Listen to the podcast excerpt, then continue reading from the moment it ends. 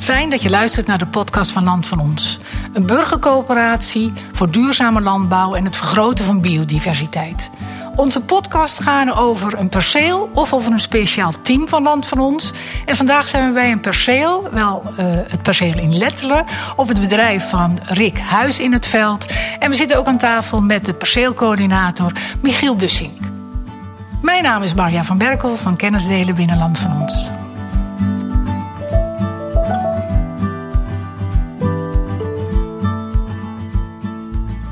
Michiel, jij bent uh, schrijver van boeken en journalist van stukken. Onder andere in uh, landelijke dagbladen en waarschijnlijk ook streekbladen. Uh, hoe ben jij bij Land van Ons betrokken geraakt?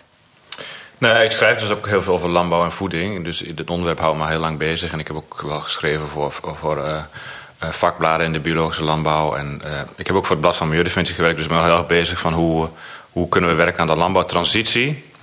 En ik zie ook al heel lang dat, dat het heel anders kan dat, dat, die, eh, ik ben bezig dus met het levensverhaal van een, een, biologische boer die al 40 jaar geleden de polder is begonnen. Dus de, het, het, kan anders. We kunnen natuurvriendelijk, milieuvriendelijk boeren.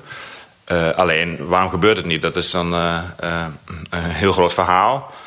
En nou, een van de factoren is, is de grond. en de, de, grond is veel te duur.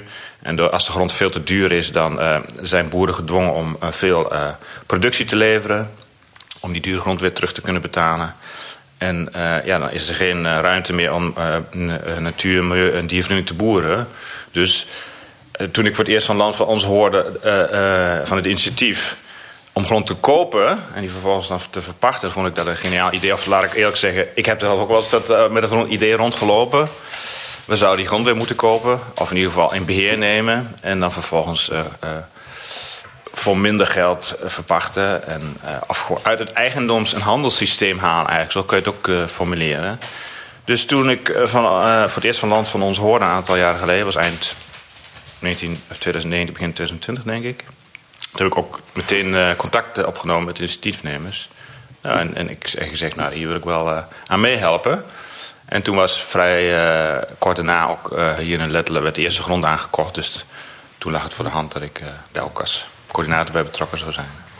Uh, het perceel is denk ik aangekocht uh, oktober 2020. Um, Rick, was jij toen ook al meteen uh, betrokken bij het perceel? Hoe ben jij hier aangehaakt? Ja, wanneer, wanneer is land van ons opgericht? 2019. Ja, volgens mij eind 2019. Eind 2019, ja. december. Toen, uh, ja, ik heb meer contact met Michiel. En ja, toen, toen kwam het te sprake dat het er was. En ehm, zelf was ik al een jaar aan het proberen om het perceel wat uiteindelijk aangekocht is, ja, om dat in gebruik te nemen of te pachten of te kopen eventueel. Maar het was allemaal best ingewikkeld. Dus toen heb ik uh, nou, eigenlijk direct contact opgenomen met Land van Ons. Of dat iets voor hun zou zijn. Met ons verhaal erbij van de manier waarop we werken. En uh, nou ja, dat is dan een heel proces uh, voordat dat dan uiteindelijk lukt. Wat zeg jij hiermee dat jij het perceel hebt ingebracht, ja. uh, aangemeld bij ja, Dus het is een perceel van, uh, van een buurman. En uh, hij, hij is altijd varkensboer geweest. En ja, jaren geleden eigenlijk al gestopt. En wou, wou dat stukje verkopen. Oké. Okay. Jij boert al heel lang, hè, begreep ik. of tenminste, jouw familie. Mm, ja, ik, ik, ik ben nu acht jaar bezig. Ja, maar jouw familie je generaties, jullie zijn een generatie van boeren, las ik, uh, ja, ik. Als, als we hier uh, eh, 300 meter hemelsbreed van ons huis gaat de stamboom elf generaties terug. Dus we zijn wel een beetje geworteld in dit gebied, ja. En ben jij de eerste biologisch boer? Nee, denk ik niet. Want ik denk dat uh, mijn opa en mijn vader samen de eerste gangbare boer was, waren. Want daarvoor was er natuurlijk geen kunstmest. En geen bestrijdingsmiddelen. Dus alles wat ervoor zit is uh, biologisch. Dankjewel. Uh, even terug naar het perceel. Uh, Land van ons zoekt percelen met een smoel. En daar verstaan ze ongeveer onder ja, dat het toch iets uh, eigens heeft, dat het zichtbaar is, dat het wat karakteristieken heeft, misschien wat landschapselementen die weer teruggebracht zouden kunnen worden dat het een verhaal heeft, soms wat archeologische interessantigheden. Wat maakt het perceel van uh, Lettelen interessant? Ja, het is, het is echt een perceel wat, eh, wat hoort in dit landschap. In de zin van het coulissenlandschap hebt, zoals we hier zitten. Dus, dus weilanden met, omgeven met eh, houtwallen en singels en bosjes.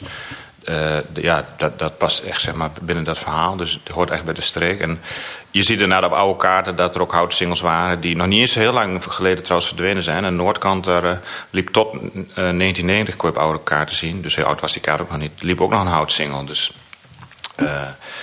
ja, en het is een beetje een gebied met uh, geaccidenteerd, dus een beetje hoogte- en laagteverschillen. En het ligt aan de schooldijk, dus er was de, laatste, de eerste schooltje stond daar ooit in, in Lettelen. Dus ja, ook wel een gebied met historie. En het ligt mooi zo tussen de Nieuwbouwwijk en het dorp Lettelen ligt het in. nou, en natuurlijk heel goed. En sluit het aan bij het land van Rick. Ja, hey, en ik kwam ook ergens Linde tegen, een buurtschap? Ja, het buurtschap Linde, inderdaad. Dat is, Daar ligt dus het perceel ook? Ja, dat wil zeggen de, de uh, voormalige eigenaar uh, van de grond, dus de, boer, de varkensboer waar ik het over had, die, die, die is ook heel erg bezig met cultuurhistorie. Dus die hechten ook nogal aan dat zeg maar, het woord linde ook ja, weer in gebruik wordt genomen. En, ja, het is eigenlijk buurschap Linde, horend bij het dorp Lettelen. En in de buurt van Deventer, even voor ja, de tussen, echt, echt zo, echt halverwege Deventer en, en Lettelen ligt het ongeveer in. Oké. Okay. Uh, wat me ook opviel was dat jullie eigenlijk heel snel zijn uh, gaan planten. Want het is in oktober 2020 aangekocht. En in januari 2021 is er een groot, grote plantdag geweest. Uh, waar heel veel is aangeplant. En eigenlijk is het heel snel, want vaak gaat er enige tijd overheen. Wordt er gekeken van hoe was het landschap vroeger. Wat is nou goed om aan te planten. Wat hoort bij het landschap. Waar kiezen we voor. Dus dit is een, dit is een drie maanden wat ertussen zit. Um, allereerst, hoe, hoe, hoe, komt het dat jullie zo snel al uh, konden gaan planten en wisten wat je ging planten?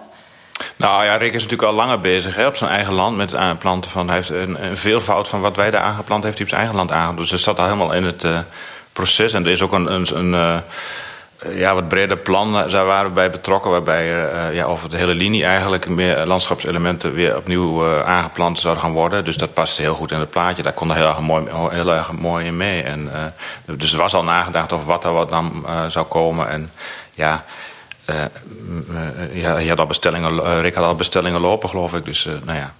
Jullie zijn hier heel erg samen in opgetrokken, Rick? Nou, het, het, het, het landschapsplan was er eigenlijk al voordat het land van ons er was. ja. Zo, zo moet het ook volgens mij hoor. nee, dus, dus omdat, omdat ik, ik was eigenlijk al nou ja, een jaar bezig om te kijken van kunnen we iets met die grond. En we hebben allerlei plannen, dus dat hebben we daarin meegenomen. Dus eigenlijk lag er al een ontwerpje klaar. Kun je zeggen wat er gepland is ongeveer, om een beetje een beeld te krijgen? Ja, aan de noordzijde van de perceel is een hele brede single van 4, 5 meter aangeplant. Van, uh, ik geloof, 700 planten. Uh, met van alles tussen de 25 en 30 verschillende soorten. Vlier en es en uh, wilgenkastanje, uh, meidoorn, sleedoorn, nou ja, van alles. En aan de oostkant van het perceel, dus langs de weg, is een meidoornhaag. Oh, er staat ook wel sleedoorn en nog wat gemengde dingen. Ook wat gekke dingen staan er tussen. Een peer, dus onder andere bijvoorbeeld. Om, toevallig omdat die aangeboden werd.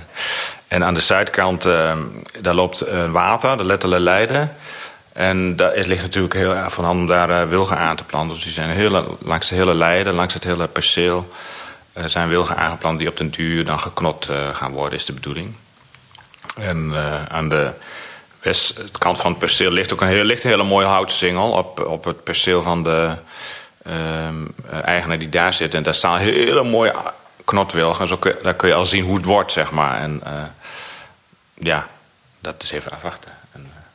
En, al met al is het mooi. Eh, nu hebben we het eigenlijk een, aan, aan, alle zijden is het nu is het mooi groen ingekaderd, zeg maar. En je zegt knotwilgen die geknot gaan worden. Zijn er ook knotwilligen die niet geknot gaan worden? Nee, maar dan, is, dan kun je natuurlijk een willig niet knotten. En dan wordt hij, gaat hij er anders uit. Ja, precies. Ja. ja. Een, willig is, een knotwillig is ja, van oudsher werden wilgen geknot omdat het uh, hout gebruikt, gebruikt werd op allerlei manieren om manden te vlechten, om uh, afscheidingen te maken, uh, brandhout. dus het is echt cultuurhistorie in de zin van. Ik vind het altijd een heel mooi voorbeeld van samenwerking tussen mens en natuur, die, die knot wel. Omdat het heel erg.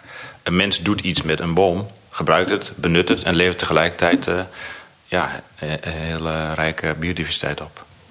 De biodiversiteit, hè? Want, want die, hoe noem je dat? Noem je dat uh, heggen, hagen? Die landschapselementen, ja. Dat is heel goed voor de biodiversiteit. Kun je uitleggen waarom dat goed is voor de biodiversiteit? Ja, op heel veel verschillende manieren. Het is, uh, het is natuurlijk een leefgebied voor uh, flora en fauna. Dus voor beesten, zoogdieren, vlinders, insecten, vogels niet te vergeten. Die gaan daarvan eten, van die bomen en die struiken. Of die gaan erin nestelen, die gaan erin schuilen. Ehm, hè, dus als het er niet is, dan hebben ze ook gelegenheid om, om te schuilen of om te nestelen om, om, zich om te, te voeden. En, uh, het is tegelijkertijd ook een, eh, een, verbindingszone. Dus wat ook heel uh, belangrijk is in, in Nederland, is dat, dat, dat verschillende landschapselementen, dus de heg en hagen, eigenlijk een soort weg vormen waardoor al die zoogdieren en insecten zich ook kunnen verplaatsen. Dus, dat is ook, en het ligt natuurlijk ook nog eens een keer CO2 vast. En, het is ook mooi. Het is ook landschappelijk gezien natuurlijk ja. belangrijk. En ik ben er nog vast nog wat vergeten. Maar, en ik heb wel eens onderzoek gezien, Engels onderzoek. Waarbij een, een haag werd aangelegd. En vervolgens is die eigenaar jarenlang gaan onderzoeken hoeveel organismen er eigenlijk nu voorkomen. En ik weet niet precies hoe, hoe lang die breed en breed die haag was. misschien 100 meter of zo. En toen kwam hij na een aantal jaar, heeft alle organismen geteld. Dus, eh, dus zowel de insecten als de vogels als de zoogdieren en de wormen en zo. Dan kwam hij op meer dan 2000 organismen. Dus om aan te geven van uh, ja, wat een gigantische rijkdom zo'n houtsingel of houtwal eigenlijk genereert of, of haag. Het is mooi dat je het hebt over die tellingen, want dat gebeurt natuurlijk ook op het perceel, hè? het meten van biodiversiteit. Ehm, er worden nulmetingen. Jullie hebben nulmetingen gedaan. Hoe gaat dat? Ik bedoel, hoe zet je dat op? Nou, dat doen we met vrijwilligers. Uh, de planten die worden geteld door uh, vrijwilligers van de KNV en IVN uit Deventer. Uh, dat zijn mensen die heel veel verstand hebben van planten. En ook heel gepassioneerd door kunnen vertellen. Tenminste, in ons geval. En die zijn nu twee keer, of misschien zelfs al drie keer. Ze zijn in ieder geval het eerste jaar zijn ze, hebben ze één keer over het perceel gelopen en hebben ze gewoon alles geteld wat ze tegenkwamen. En um, dat hebben ze dit jaar nog een keer gedaan. En dan is natuurlijk de bedoeling, dat, en ze hebben de eerste keer 64 verschillende soorten gevonden, wat relatief veel is voor, een, uh, voor dit gebied, zeiden zij. Uh, en waar heb je het dan over? Wat is die 64? Dat is gewoon breed? Uh... Ja, dat hebben ze gewoon, dat is at random. Ze hebben gewoon kriskras lopen zoals perceel. Dan kijken ze gewoon elk plantje wat ze voor het eerst tegenkomen, krijgt dan een streepje. Dus het is niet zo dat ze bijvoorbeeld de hoeveelheden van de, de veldkerst tellen... of de hoeveelheden van de, de parenbloem, maar ze één keer veldkerst, dan krijg je een streepje. Dat zou je ook kunnen doen, maar... De, de, die 64 soorten, dat zijn planten? 64 verschillende soorten planten. Planten, oké. Ja. En de, als je dat jaar in jaar uit gaat doen... Dan, dan, is, dan hoop je natuurlijk ontwikkelingen te zien. Of niet, want in dit geval... Kijk, het moet natuurlijk niet achteruit gaan. Dat zou niet best zijn. Het mooiste is dat vooruit gaan, maar daarbij wel met de kanting dat het al relatief rijk is. En, uh, en er is iemand van de Vlinderstichting, die, die loopt uh, van april tot september. Eén keer in de week loopt ze een rondje langs het perceel en telt ze alle vlinders en hommels. Uh, en dat doet ze ook dan, nou ja, hopelijk. Ze doet het nu ook voor het tweede jaar, dat ze dat ook een aantal jaren doet. En dan kun je, kijken wat is het effect op beheer. Bijvoorbeeld, je hoopt bijvoorbeeld dat de aanplant van die heggen en die hagen, dat dat ook meer diversiteit aan hommels en, en andere insecten uh, aantrekt. Hey, en waar wordt dat vastgelegd? Wordt dat uh, bij waarneming.nl bijvoorbeeld gedaan? Ja, dat is een goeie. Dat, dat hebben we, uh, denk ik, tot nu toe niet gedaan. Nou, ik, ik, de, ik moet eerlijk zeggen, de mensen... Het is sowieso op de website te lezen. De eerste, of volgens mij beide plantenwaarnemingen. De vlinder, de waarneming is ook op de, web, op de website te, te zien... Wat, er precies, wat ze precies gevonden he, heeft aan vlinders en hommels. Uh, en daarnaast kun je inderdaad, uh, kan best zijn, ik dat weet ik eerlijk niet of, de, of eh, de, mannen van de KNV het ook op waarneming.nl hebben gezet. Dat zou ik even na moeten vragen.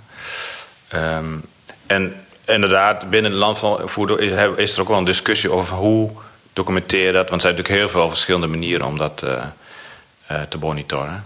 En van heel gedetailleerd tot breed en een beetje op hoofdlijnen. En dat is, ja, daar kun je. Dat is ook mede afhankelijk van hoeveel mensen je hebt. Ja, zeg, en het is, uh, nou wat zeggen we, uh, twee jaar. Ja. Uh, kun je iets zeggen daar, iets zinnigs al zeggen daarover? Dat je zegt van nou het is gelijk gebleven of we zien daar. Mm, niet echt. Dus je ziet wel bijvoorbeeld dat als de uh, koeien net gegraasd hebben, ja, dan, is, dan zijn er minder, eventjes minder planten en dan zijn er ook iets minder uh, vlinders en hommels. Maar goed, dat is ja, die koeien die vertrekken weer en dan komen er ook weer. Um, komen die, die, vlinders, die planten weer terug en die vlinders enzovoort. En dus ja, het is natuurlijk het feit dat die koeien daar lopen en ook een stond daar neervalt, is denk ik ook wel op zich weer gunstig voor allerlei flora en fauna en insecten. Dus ja.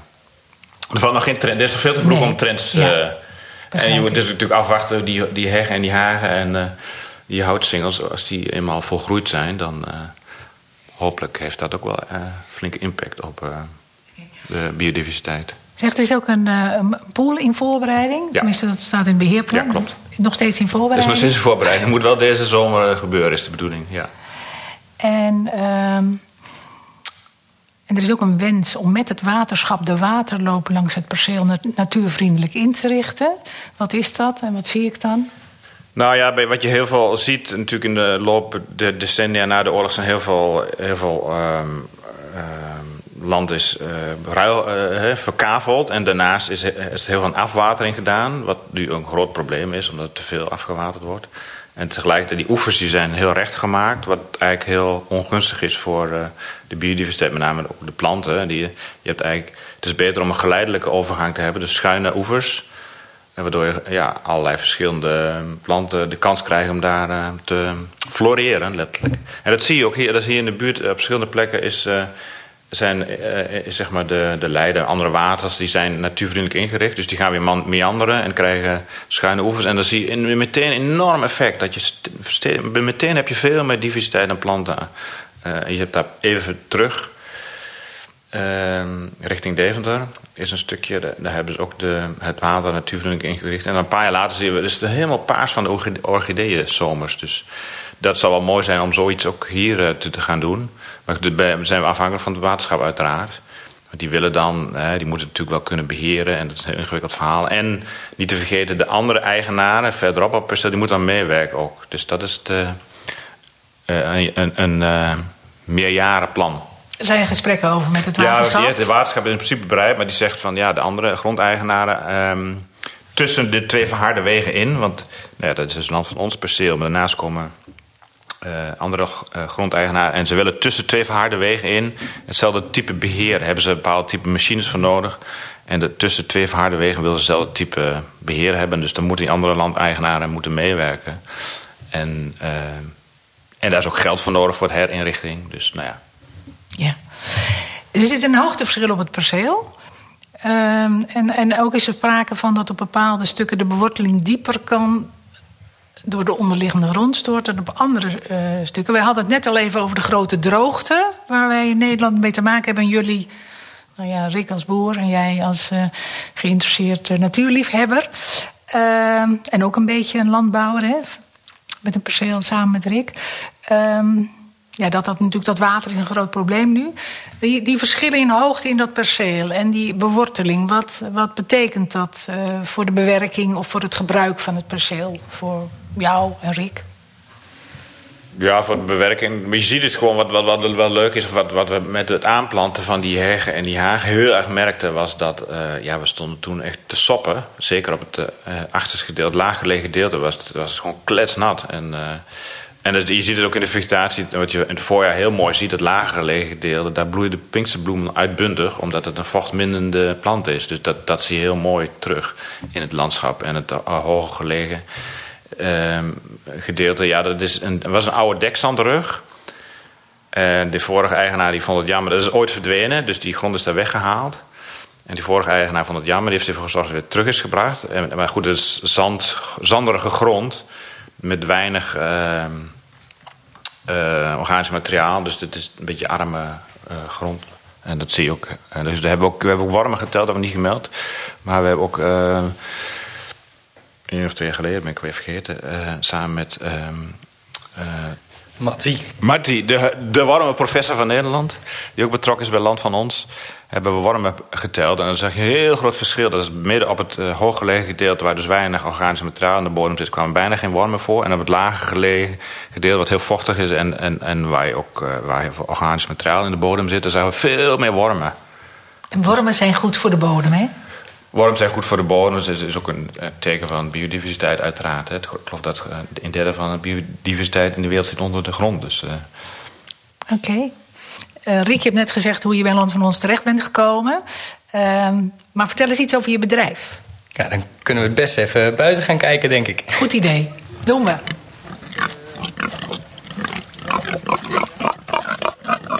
Riek, zijn die varkens ook van jou? Die varkens die zijn van Vivera. Dat is Vivera, dat is dat vegetarische merk? Ja, ja ze hebben de varkens uh, in een reclame gebruikt als biggetjes. En uh, nou ja, als, als uh, producent van vegetarische producten kun je natuurlijk niet je varkens laten slachten. Dus die mogen hier blijven. Het zijn een soort, soort pleegvarkens. En wat, mogen hier oud worden? Of, Ja, ja, ze mogen niet geslacht. Dus, oh, uh... dat is helemaal interessant. We gaan denken naar een ander stuk hè, van de boerderij. Maar, hoe oud wordt een varken? Uh, Rick, jullie hebben ook je eigen zuivel. Uh, ik zie daar een... Uh... Ja, ja, we ver verwerken ongeveer 20% van de melk wordt verwerkt hier op het erf. Onder de naam de melkbrouwerij. En dat, die 20% is wat we allemaal lokaal verkopen. Dus in Deventer, in supermarkten en allerlei boerderijwinkels in de omgeving. En 80% van de melk gaat naar Eco Holland. Dat is een coöperatie van ongeveer 200 biologische boeren. En dan wordt het eigenlijk uh, allemaal in Nederland afgezet. Ja, vooral als verse melk.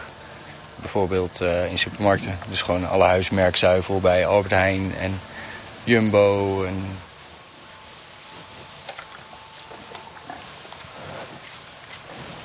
Zeg, we staan hier naast uh, een stal met heel veel stro en koeien. Uh, kun je er iets over vertellen, over jouw koeien? Hoeveel koeien heb je? We, we hebben meestal ongeveer 50 koeien. Verschilt natuurlijk een beetje, soms iets meer, soms iets minder. Eigenlijk zouden ze nu lekker buiten moeten staan uh, in het gras. Maar ja, het is vrij droog, dus gras is op. Dus ik zet ochtends het hek open, maar uh, ze, ze lopen één rondje en dan denken ze er is nog geen gras. En dan komen ze weer naar binnen. We hadden het er net over dat de droogte een groot probleem is hè? Voor, uh, uh, voor de koeien, voor jou als boer. Dat er gewoon onvoldoende eten nu is en dat je bijna al met de winter, wintervoorraad uh, bezig bent om te voeden. Ja, wij, wij hebben hier, nou, we zitten op hoge zandgrond. En ehm, eigenlijk is dat altijd een voordeel geweest, want het zijn eigenlijk de beste gronden hier. Je hebt hier ja, gronden waar al lang landbouw is. En waar, een, uh, ja, waar je eigenlijk een hele mooie vruchtbare bodem hebt. Maar die wel droogtegevoelig is. Maar ja, normaal is Nederland natuurlijk heel nat. En uh, als het dan heel droog is, dan, uh, ja, dan, dan groeit daar eigenlijk niks. Ja. Zeg, jij hebt koeien met horens. En waarom is dat? Ja, eigenlijk kun je dan ook vragen... waarom hebben alle andere koeien geen horens?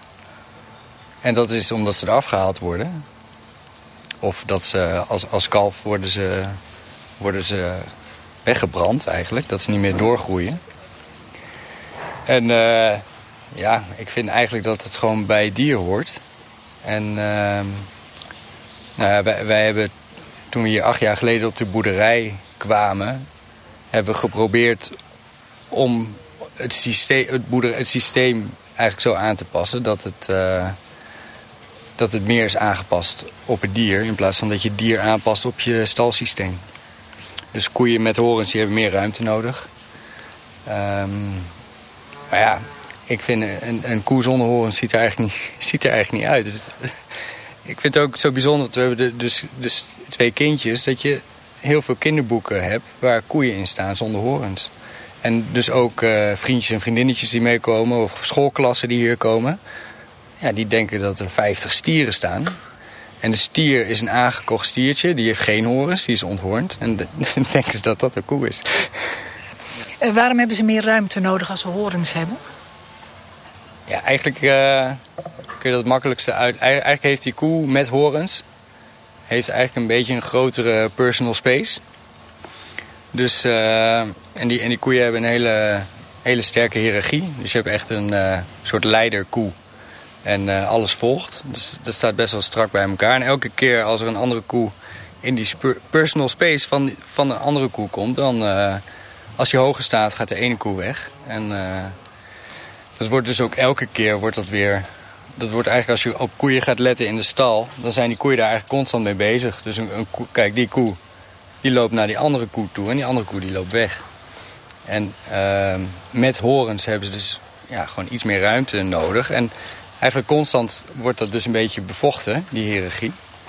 En, het, uh, het, valt inderdaad heel erg op dat ze heel bewegelijk zijn. Ze bewegen voortdurend uh, heen en weer. Ja, dat is ook omdat er nu net weer nieuw voer ligt. Ah. Ik dacht dus, eigenlijk dat dus dat de hiërarchie was, maar uh, nou en ja, en? Nu kun, je, nu kun je het dus wel heel duidelijk zien. Kijk, over een uurtje zijn ze allemaal vol en dan gaan ze allemaal liggen. En dan is het heel rustig. Maar nu ligt waarschijnlijk aan deze kant het lekkerste voer. En dan willen alle koeien daar uh, even een hapje van. En er hangt daar een soort boksbal. Waar is die voor? Ja, als je iets dichterbij kijkt zie je dat het een borstel is. En daar, uh, nou ja, de, die, die draait rond en daar kunnen de koeien onder gaan staan. Er staat er ook eigenlijk altijd eentje onder. En dat is eigenlijk gewoon, uh, vinden ze lekker, massage en uh, verzorging van de vacht. Dus alle losse haren die gaan eraf.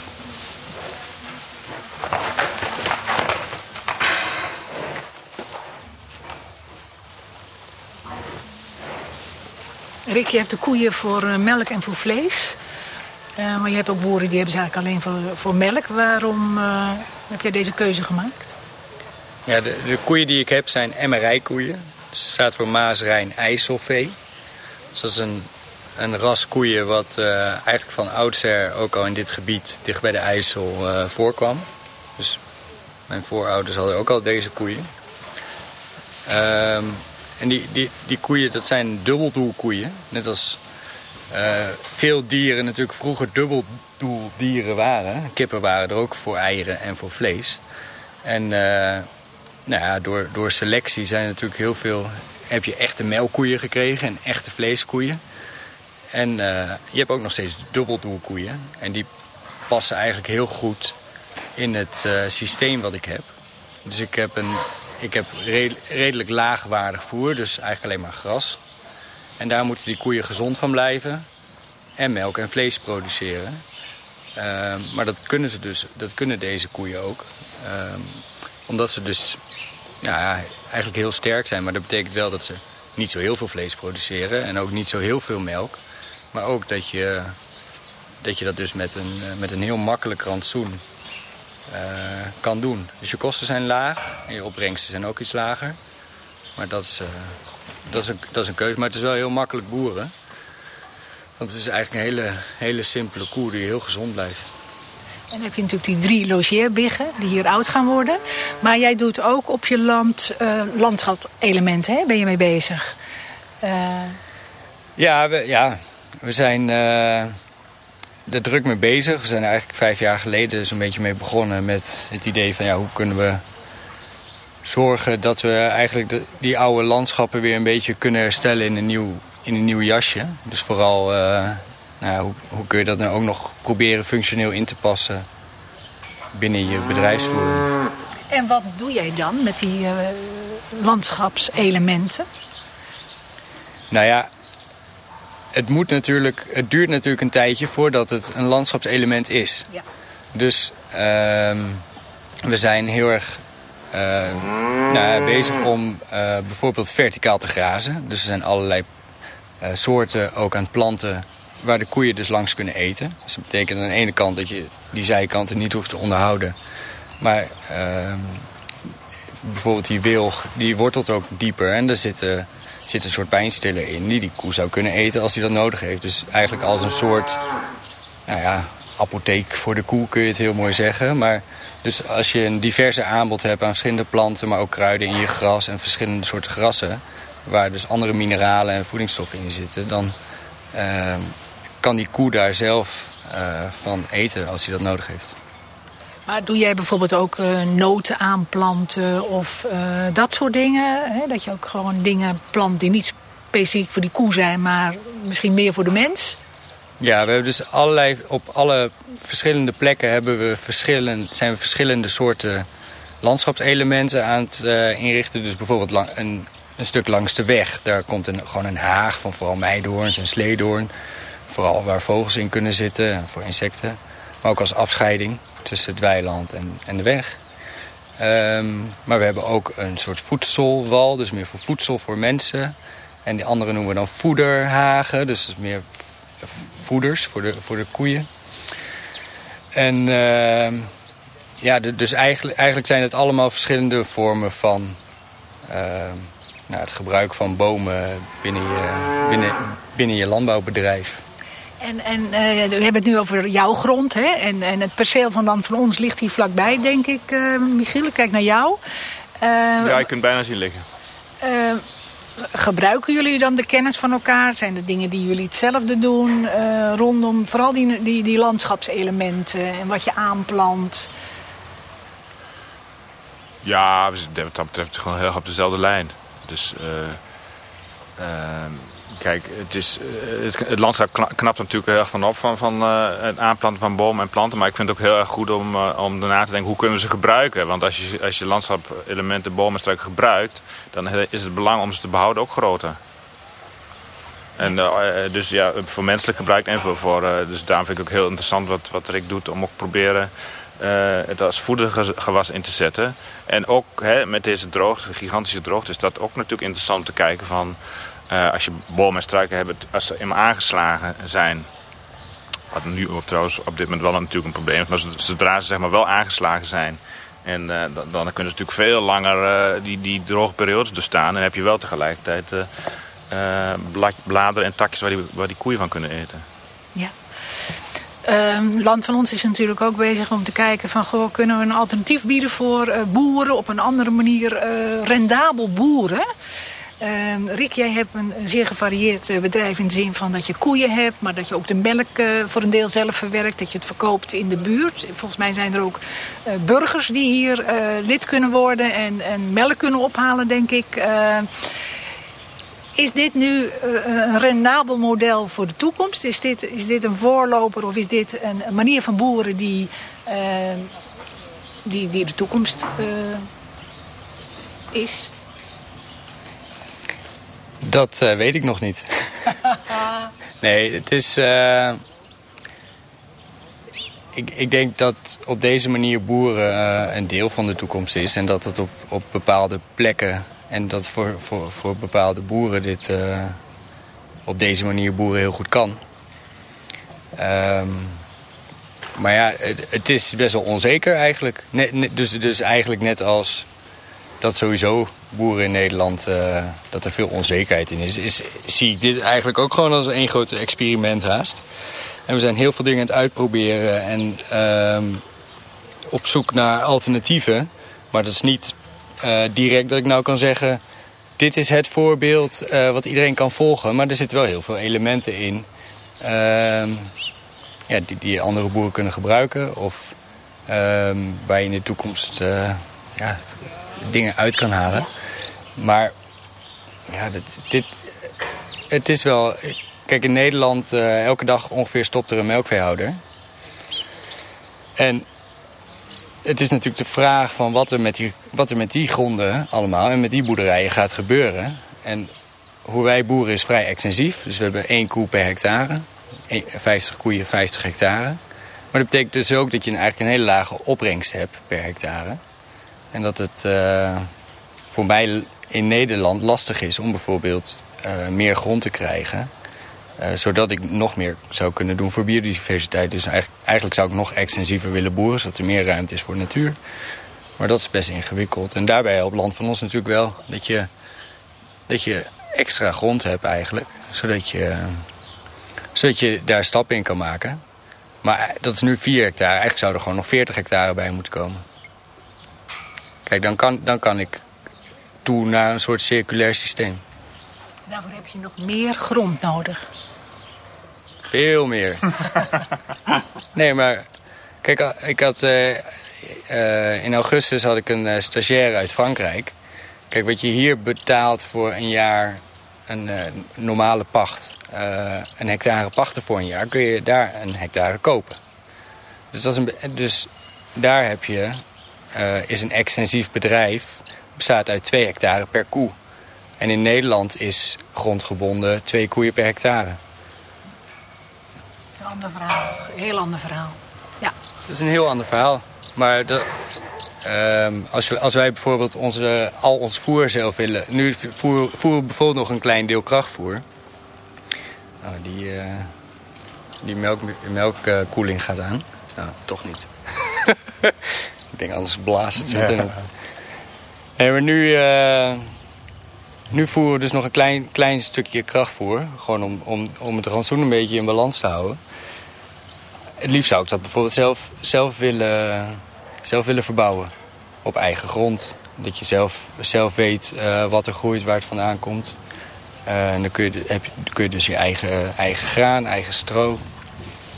Uh, maar ja, daar heb je dus veel meer grond voor nodig. Michiel, wat is, uh, wat is jouw droom voor het perceel Lettelen? Waar sta je over drie jaar? Nou, ik vind het grappig dat Rick zegt, we hebben nog 40 hectare nodig. Nou, ik zie hier nog wel heel veel stukken grond liggen waar echt nog heel veel aan te verbeteren valt aan, biodiversiteit. Dus het zou mooi zijn als dat ook ooit beschikbaar komt op een of andere manier. dus ja, dat, dat is mijn droom. Als we het hele, hele stuk tussen Deventer en Lettelen natuurvriendelijk kunnen inrichten. En voor het huidige perceel? het wordt, en als cultuurlandschap, hè, dus ook in gebruik zijnde als agrarische grond. En voor het huidige perceel? Wat zien we over drie jaar op dat perceel? Ja, dan zijn natuurlijk die, eh, die, die houtsingel is flink gegroeid. Uh, uh, die, die, die wilgen zijn uh, flink gegroeid. Dan kunnen we misschien een keer gaan knotten. Nou ja, de Leiden gaat meanderen. En het gaat er nog veel rijker uitzien dan, dan het nu al is. Mooi. Gaat er heel mooi uitzien.